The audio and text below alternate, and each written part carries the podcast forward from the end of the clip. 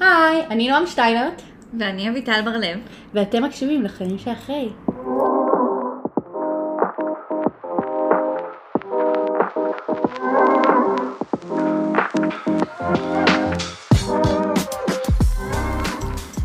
אז אה, נועם, נתחיל מלדבר על זה שזאת לא הפעם הראשונה בעצם שאנחנו מקליטות ביחד.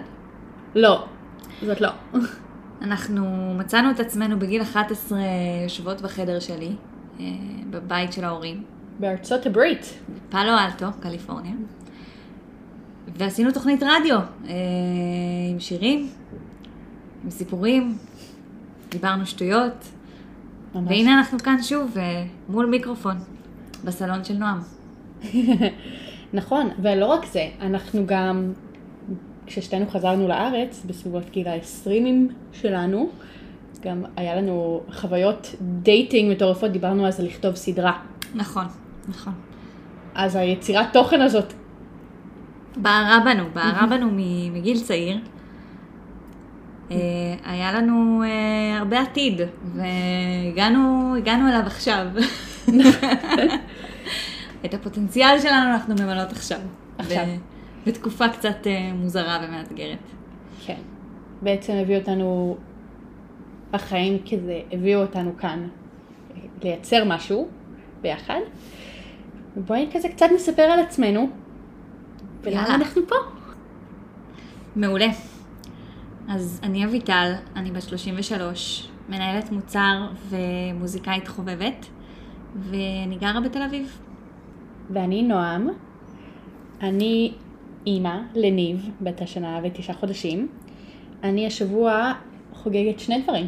אני השבוע חוגגת בעצם את היום הולדת שלי, יום הולדת 33, ואני לא בדיוק חוגגת, אני מציינת חצי שנה שאני אלמנה. ובעצם זה, זאת קצת הסיבה שאנחנו מדברות על, למיקרופון. אז נועם, תספרי לנו קצת אה, לשם מה התכנסנו בעצם, בעקבות הסיפור שלך. אז בעצם לפני חצי שנה ארתור, הבן זוג שלי, האבא של הבת שלי, הפרטנר שלי לחיים, אה, נפטר בפתאומיות. ומצאתי את החיים שלי פשוט הפוכים לגמרי ממה שדמיינתי, ממה שחשבתי שיהיה. מכל פרספקטיבה לא ידעתי שאני אוכל, לא דמיינתי את הסיטואציה הזאת, ופתאום אני מוצאת את עצמי פה.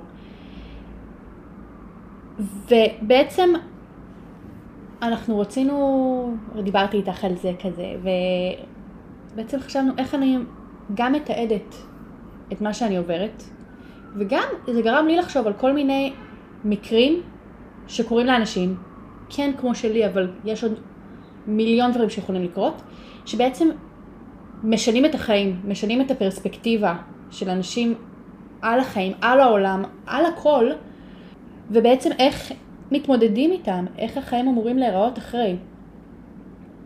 כן, ואני חושבת שאחד הדברים שדיברנו עליהם ביחד, אה, זה העניין הזה שיש לך איזשהו מסלול, אה, יש לך איזו אמונה לגבי העולם שאתה חי איתה, או את, ויש סיטואציות שהדבר הזה פתאום מתנפץ.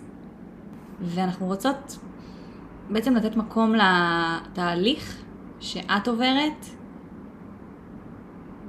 תוך כדי שהוא עדיין חי בתוכך, ובאמת בטווח מאוד קצר ממתי שזה קרה.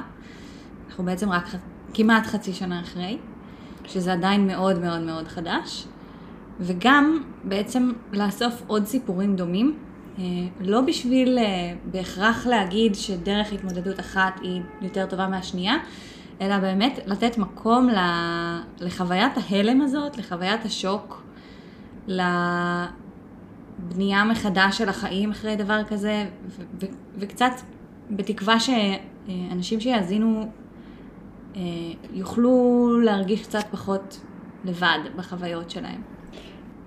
אני חושבת גם שחשוב לציין שזה נושא שהוא לא רק לאנשים שעוברים את הדברים הקשים, זה גם משהו שמדבר די לכולם.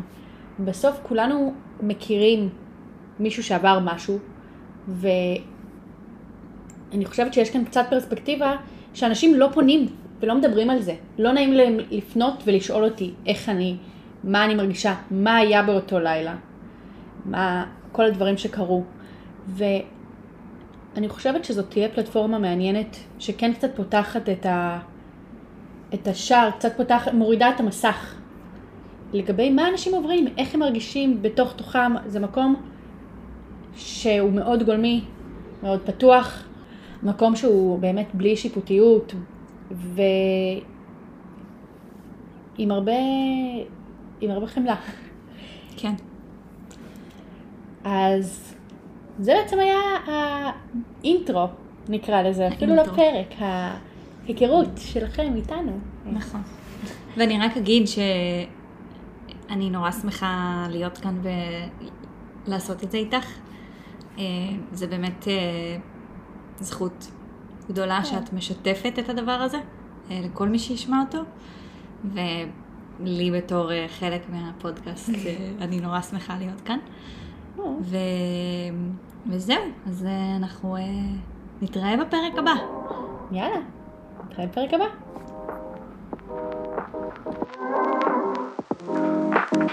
Thank